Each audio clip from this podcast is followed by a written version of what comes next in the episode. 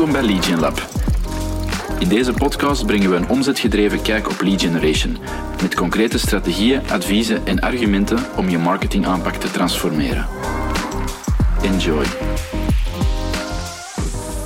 Oké Nico, leuk dat we hier eh, vandaag weer zijn. Ehm, we hebben heel specifiek een vraag ingestuurd gekregen via LinkedIn van iemand die dat de mogelijkheden van ABM eh, aan het onderzoeken was. ABM staat voor Account-Based Marketing. Een heel specifieke ehm, tactiek om mee in uw ehm, voornamelijk outbound, uw sales mix mee te pakken. Ehm, maar uiteraard ook met een, een, een grote marketingconnotatie. Ehm, wij gebruiken dat links en rechts ook. En we vinden dat op, dat op een paar logische plaatsen wel eh, ingelast kan worden. Dat er, wel, ehm, dat er wel ruimte voor is of dat er plaats voor is. En we hebben daar vandaag wat best practices en tips rond mee. Ja, zodat die persoon zijn, eh, zijn aanpak of zijn, zijn vragen beantwoord ziet. En daar al dan niet mee kan verder gaan in een, eh, aan een bepaalde snelheid. Hè. Ja. Dus, eh, zullen we eens induiken. Top. Eh, ja, veel gebruikte term, denk ik. Eh, ook wel eh, buzzword in de zin van het wordt wel heel veel in de mond genomen de laatste tijd, denk ik. We hebben ook wat mythes bij. Die hebben we wel genoteerd voor vandaag. Ja, Eh, dingen die wij vaak horen terugkomen, die volgens ons niet helemaal kloppen. Dus die gaan we zeker nog even aan bod laten komen. Maar misschien voordat dat we daarin duiken, misschien kort voor de luisteraars of kijkers die ehm, nog, niet, nog niet bekend zijn met ABM. Eh, op zich, ABM staat voor Account-Based eh, Marketing. En het draait er eigenlijk om in essentie, want je zou heel veel definities erbij kunnen nemen, maar het draait erom dat je je marketinginspanningen gaat concentreren op een beperkte set aan bedrijven en medewerkers binnen die bedrijven. Dus in plaats van te zeggen, om een concreet voorbeeld te geven, we gaan een marketingcampagne doen naar alle eh sales managers, gaan we een marketingcampagne doen naar de sales managers binnen die 100 bedrijven en eventueel ook de CEO, de CFO en de CMO meepakken in die organisaties met andere berichtgevingen. Maar eigenlijk eh, iets feller of geconcentreerder communiceren op een kleinere set aan bedrijven, om op die manier ja, persoonlijker te gaan, eh, een persoonlijkere boodschappen te brengen en beter te resoneren. Dat is eigenlijk het in essentie, er zijn wel wat verschillen, eh, maar dat is in essentie denk ik wel de betekenis van het ABM. Ja, dus het is een hele ehm, persoonlijke aanpak. Ja. Het is op, ehm, gebaseerd op relatiebouw, dus je gaat niet te snel ook weer aansturen op conversie of een aanvraag of iets. Ehm, ik denk dat het heel inhoudelijk en, en eh, Relationeel inhoudelijk relationeel is. Ehm, dus dat je ja, echt, echt gaat inspelen op wat ze nodig hebben en dat je wat gaat proberen personaliseren. Ehm, ik denk ook niet dat dat haalbaar is ehm, om dat op heel grote schaal te gaan doen. Ik denk dat het heel eh, dat, dat aantrekkelijk is of dat, dat ergens misschien wat verwarring is. Maar ja, is, is ABM nu eigenlijk niet hetzelfde als, als, als lead generation bijvoorbeeld? Maar ik denk dat ABM vooral ehm, eh, erop bedoeld is dat je een bepaalde wishlist of hitlist gaat, definiëren. Ja, vaak voor iets grotere bedrijven trouwens. Ja. Wordt meestal gebruikt eh, om iets grotere bedrijven, eh, of corporates bijvoorbeeld, eh, aan te trekken of daar in ieder geval toch binnen te geraken. Ja, je hebt zo heel typisch inderdaad dat, dat er een, een soort van revenue gen aanpak voor bijvoorbeeld hè, voor de KMO-markt wordt uitgewerkt. En dan dat we voor een x-aantal enterprise klanten ook relevant willen zijn voor grote corporates. En daar gaan we dan eh onze ABM-aanpak of een ABM-aanpak rond uitwerken of formuleren om, eh, om die eh, prospects te, te gaan bewerken of om, de, om de bedrijven op die hitlist te gaan, te gaan bewerken. Ja. Hmm, misschien een veelgemaakte valkuil. Voordat we beginnen met één, wat zijn daar mythes rond? En twee, wat is misschien onze visie daarop? Eh, eh, wat dat wij vaak zien, is dat het te veel als eh, ja, cold outreach wordt bekeken naar grotere bedrijven. Dus dat is wel een veelgemaakte valkuil. Bedrijven zeggen, wij willen ABM gaan doen. En eigenlijk willen ze zeggen, we willen een kleinere set aan bedrijven heel gericht gaan opbellen. Hè? Of dat is vaak het gedrag dat je dan ziet. Eh, dus ABM gaat wel in essentie veel verder dan dat. Het is gewoon onze outbound-lijst, bij wijze van Ja, spreken. hè, dat zijn honderd bedrijven die we gaan bellen. En by the way, we moeten er ook wat marketingactiviteiten op doen. Maar we gaan vooral die honderd bellen en marketing moet daar een deeltje in bijdragen. Ja. Dat is hoe dat het vaak in praktijk wordt toegepast. Ik denk niet dat dat de, de juiste methode is, of toch niet eh, een effectieve methode.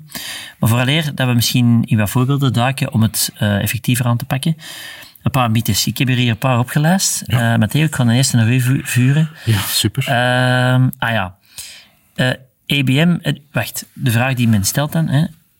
Wij zouden graag al onze inspanningen laten of vervangen door een ABM-approach. Wat denkt u ervan? Uh, ja, niet doen.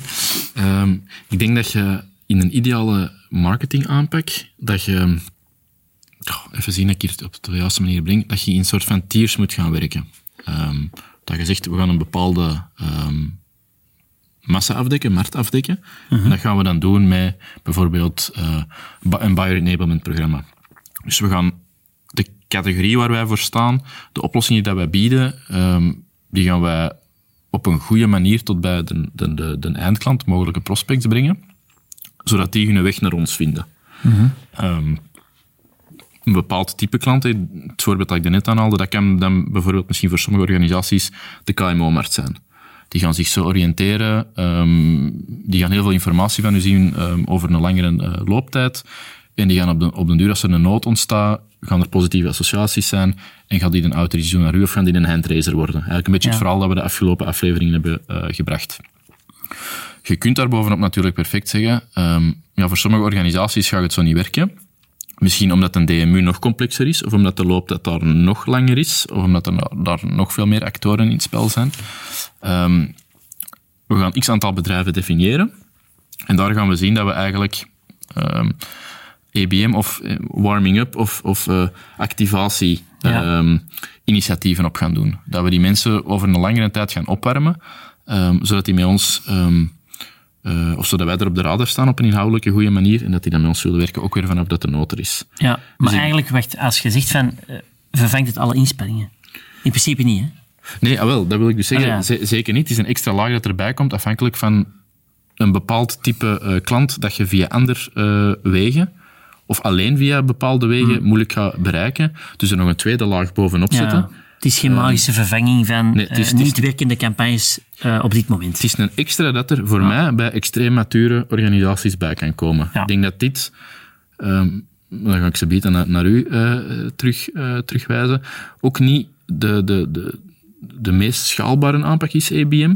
Nee. Dus als, dat als dat hetgeen is dat je met je, met je team op gaat werken, ja, je gaat daar ook weer niet van vandaag op morgen je, resultaten van zien. Er, er komt heel veel uh, relatieopbouwend werk bij kijken. Uh, het is geen transactioneel gegeven, mm. dus je, er gaat heel veel effort in. Dus dat ook dat dan breed naar de markt doen, het EBM-principe, ja, dan, dan zijn we weer tegen alle dingen in aan het gaan.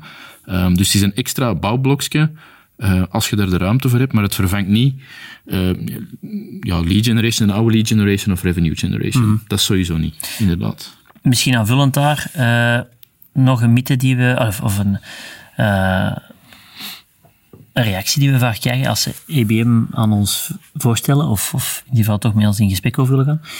EBM, EBM is voor ons 100% personalisatie.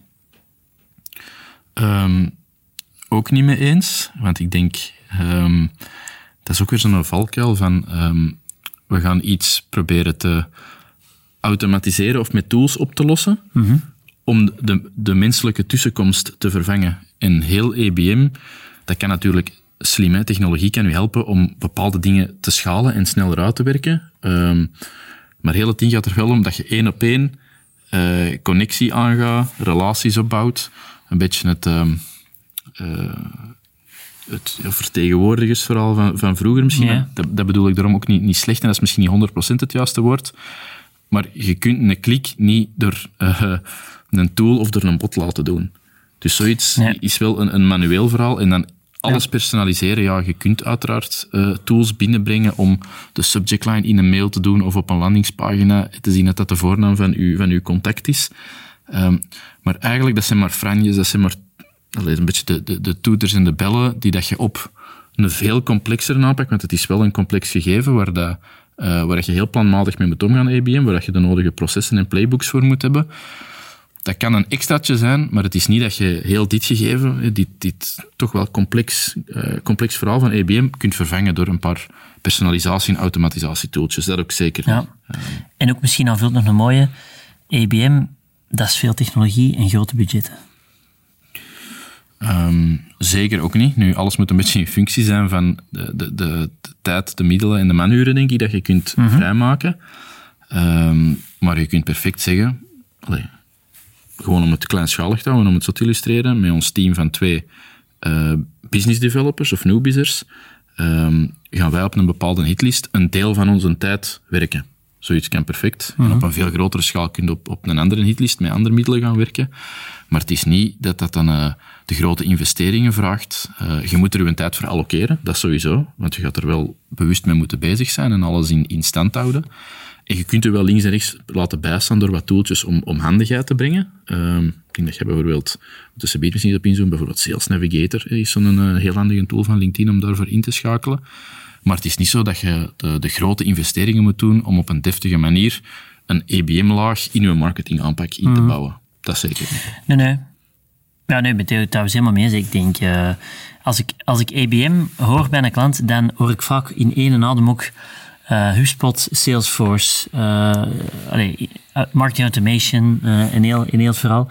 Um, dat kan daarbij helpen, maar dat is totaal geen vereiste om de essentie van EBM te doen. Helemaal niet. Dus, uh, maar daar gaan we straks zeker even op inzoomen.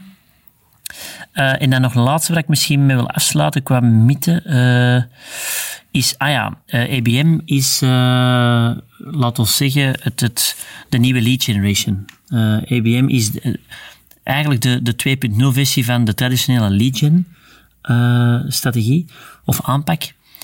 Daar ben ik het ook zeker niet mee eens, omdat je daar, ik het grote verschil zit in de timing en, en de mate waarin dat je het relationeel opbouwt. Legion is de dag van vandaag zeer transactioneel nog.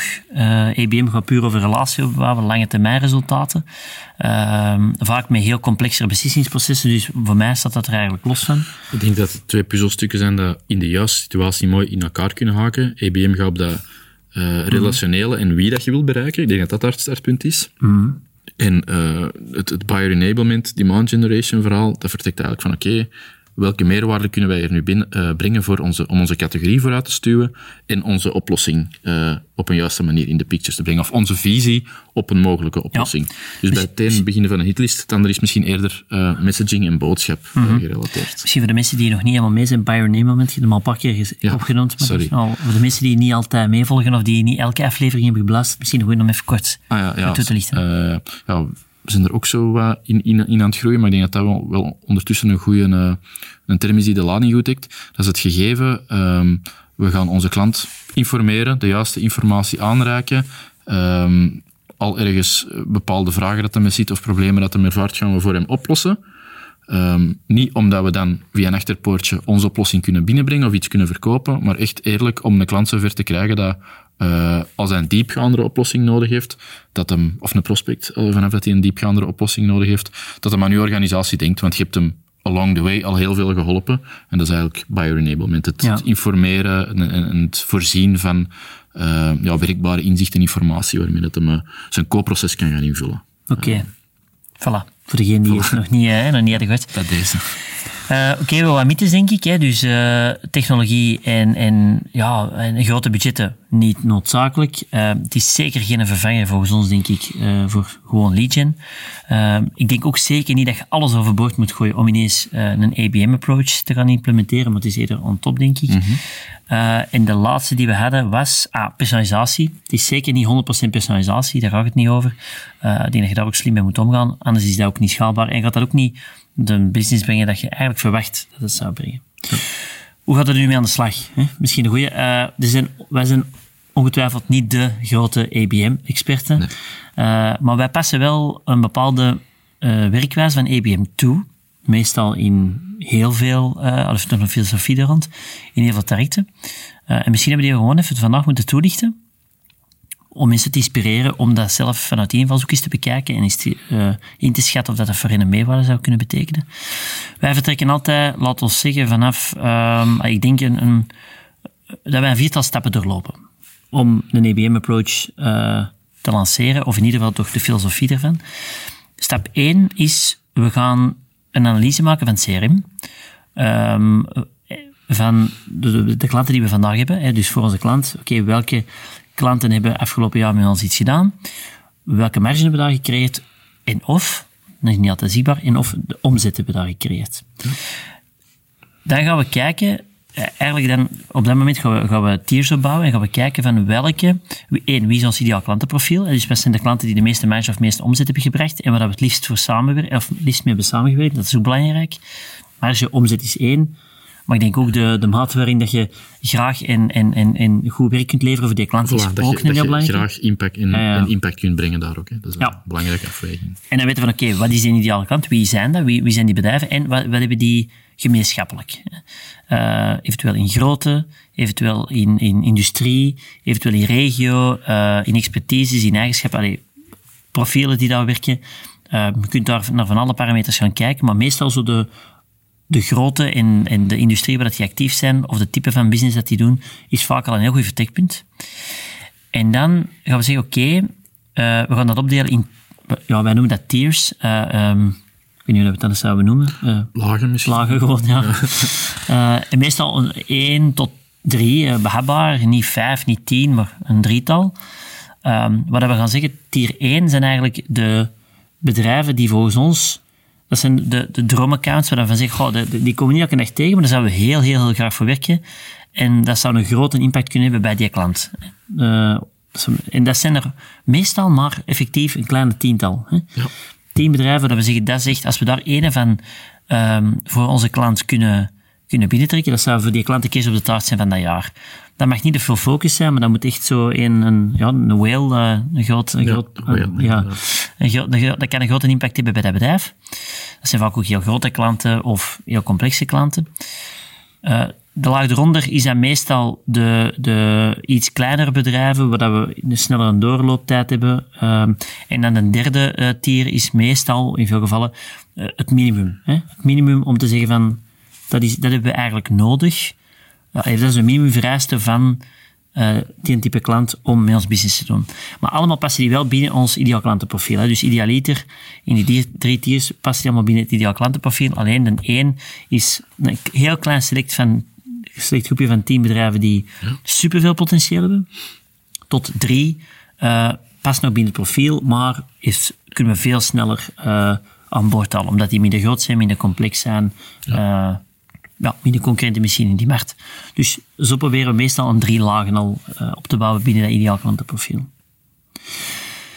Dat is één. Ehm, en dan kijken we meestal eh, in de volgende fase naar, in die drie tiers, eh, gaan we de mate van personalisatie bepalen. Nee, ik denk dat tier 1, eh daar is de mee bezig, eh, van oké, tier 1 gaan wij heel hard personaliseren. Dat is bij wijze van spreken 100% personalisatie. Ja, dat je echt één op één uh, gaat outreachen mee. Um, wat kan dat dan... Misschien dat we daar speed op moeten inzetten, maar wat kan zoiets zijn? Bijvoorbeeld een, een co-creatiegesprek waarin dat je samen een asset gaat maken en waar dat je gaat, mm. gaat ook ay, van elkaar leren en hem in het proces ook nog eens waarde geeft, bijvoorbeeld. Dus dat is heel intensief, heel gepersonaliseerd en heel uh, één op één dat je daar aan het werken bent. Ja, effectief. Uh, of je gaat... Uh, uh, ja, we gaan straks of we gaan een ronde tafelgesprek met een paar mensen binnen die organisatie organiseren om over een bepaald topic dat gemeenschappelijk is, wat dieper in te gaan. Mm-hmm. Super gepersonaliseerd, super veel contactpunten. Maar je beseft ook dat je dat niet voor 100, 200 mensen of 200 bedrijven kunt gaan doen. Dus dat is heel, heel hard beperkt in, in aantal. Um, en naarmate dat je in tier 2 of in tier 3 gaat kijken, gaat eigenlijk de mate van personalisatie een klein beetje uh, verdwijnen. Alleen verdwijnen of gaat minderen, hè, omdat het anders niet behapbaar is. Maar meestal in totaliteit um, is van een EBM-lijst rond de honderdtal bedrijven, waar dat er dan 10 in een top uh, zitten, en dan die andere 90 verdeeld zitten onder tier 2 en tier 3. En ook de mate van personalisatie dus altijd ja. uh, uh, een trap gaat afnemen in, in mate dat je naar beneden gaat. Um, dus je gaat de mate van personalisatie bepalen. We gaan straks wat voorbeeldjes geven misschien van personalisatie. Ja, is een goeie. Uh, en dan gaan we kijken, oké, okay, welk, want dat is ook nog zoiets, wie gaan we dan bereiken binnen die organisaties?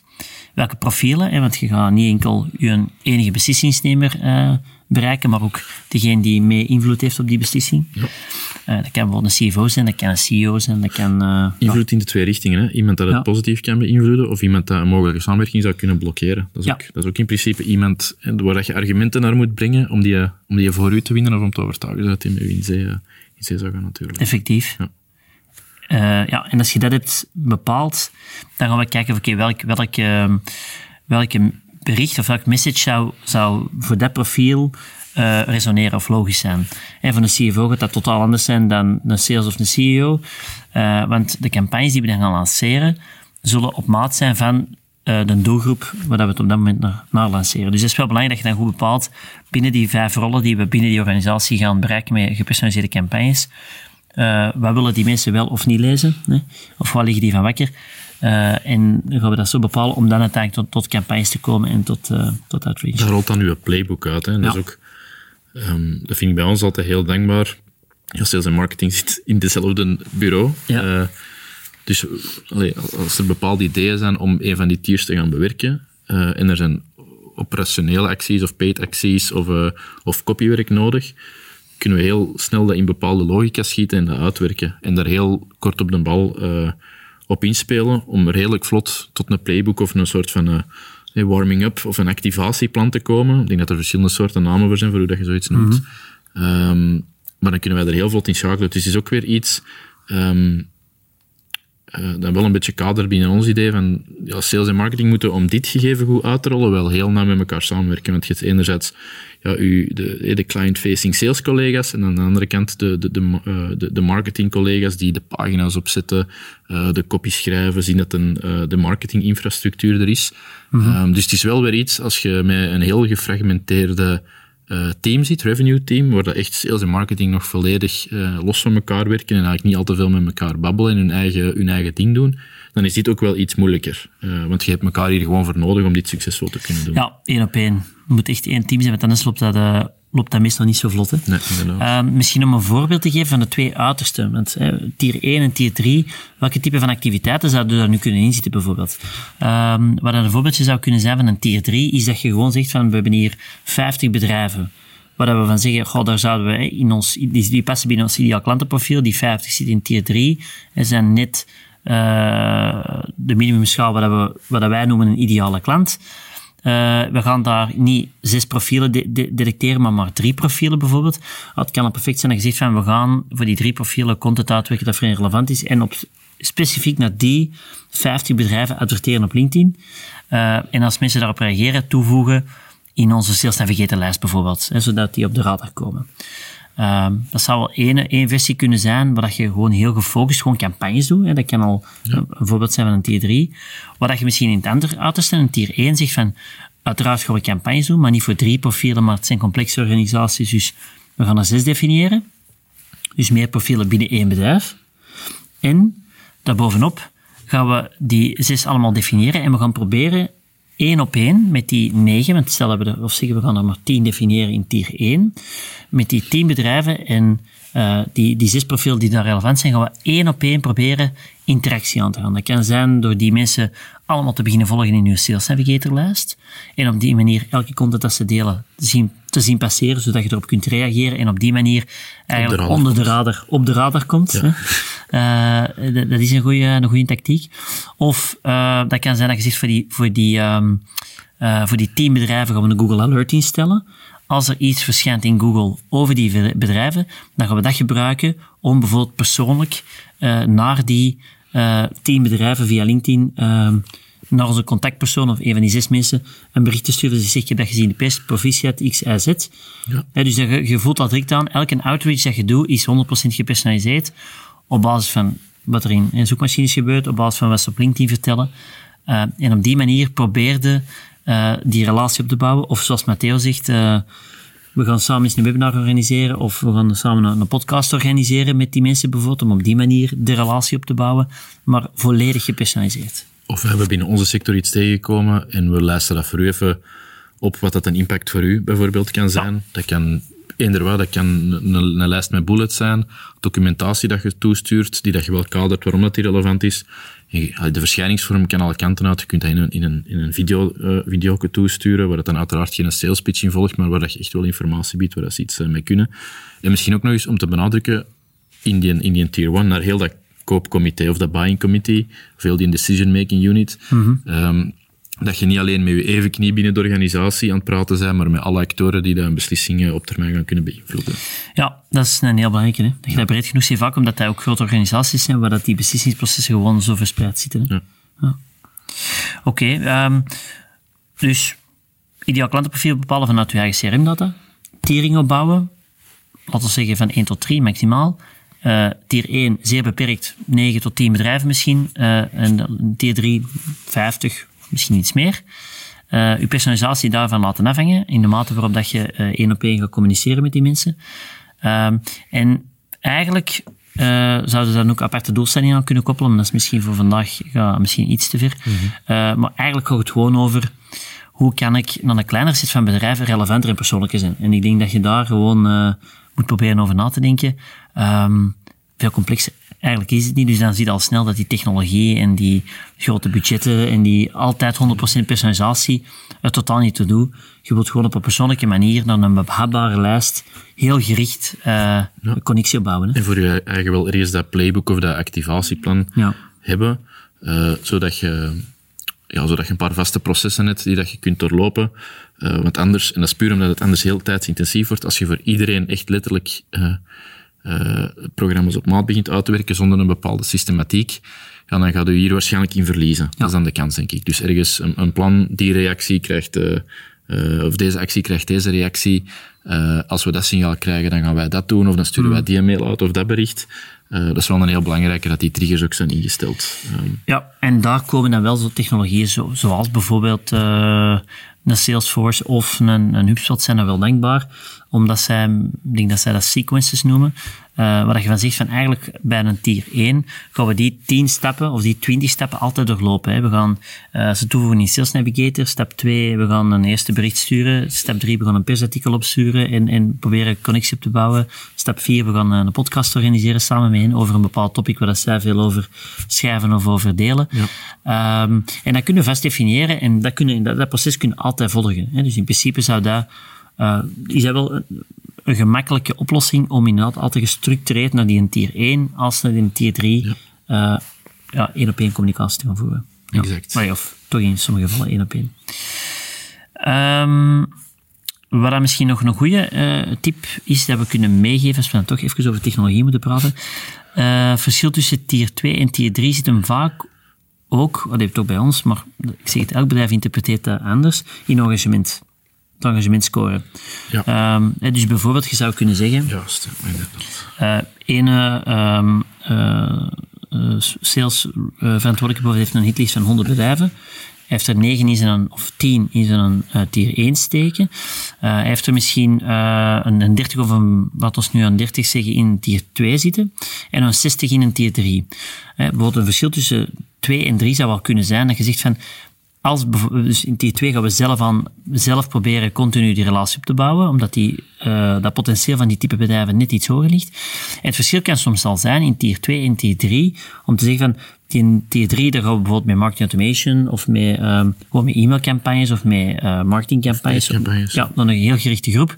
Gaan we reactie uitlokken en als we zien bijvoorbeeld dat die bedrijven en dan kunnen we door andere kleinere, eenvoudige tools, uh, zoals een Leadinfo bijvoorbeeld, als die regelmatig naar de website komen, vanaf dan wordt er zo'n sequence of een actie of een, een, um, een workflow van verschillende acties gelanceerd om effectief de relatie één op één persoon te gaan opbouwen.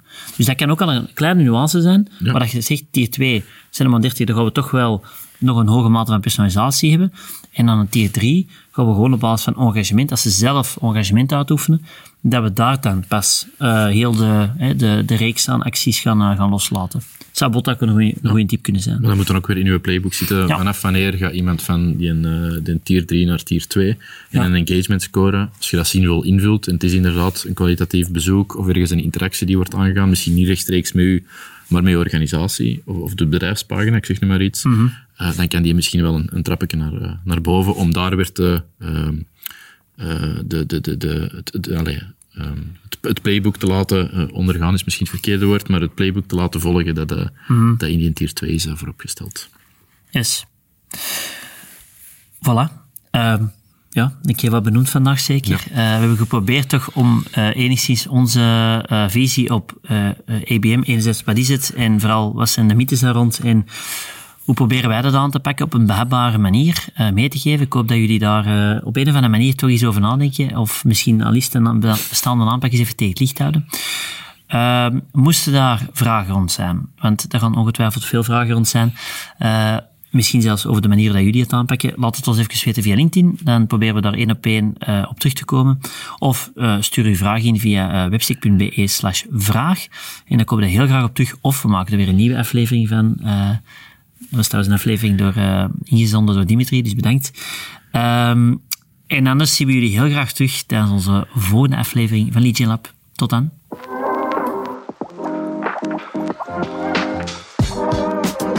Ik wil toch even de tijd nemen om te bedanken om te luisteren naar de Legion Lab.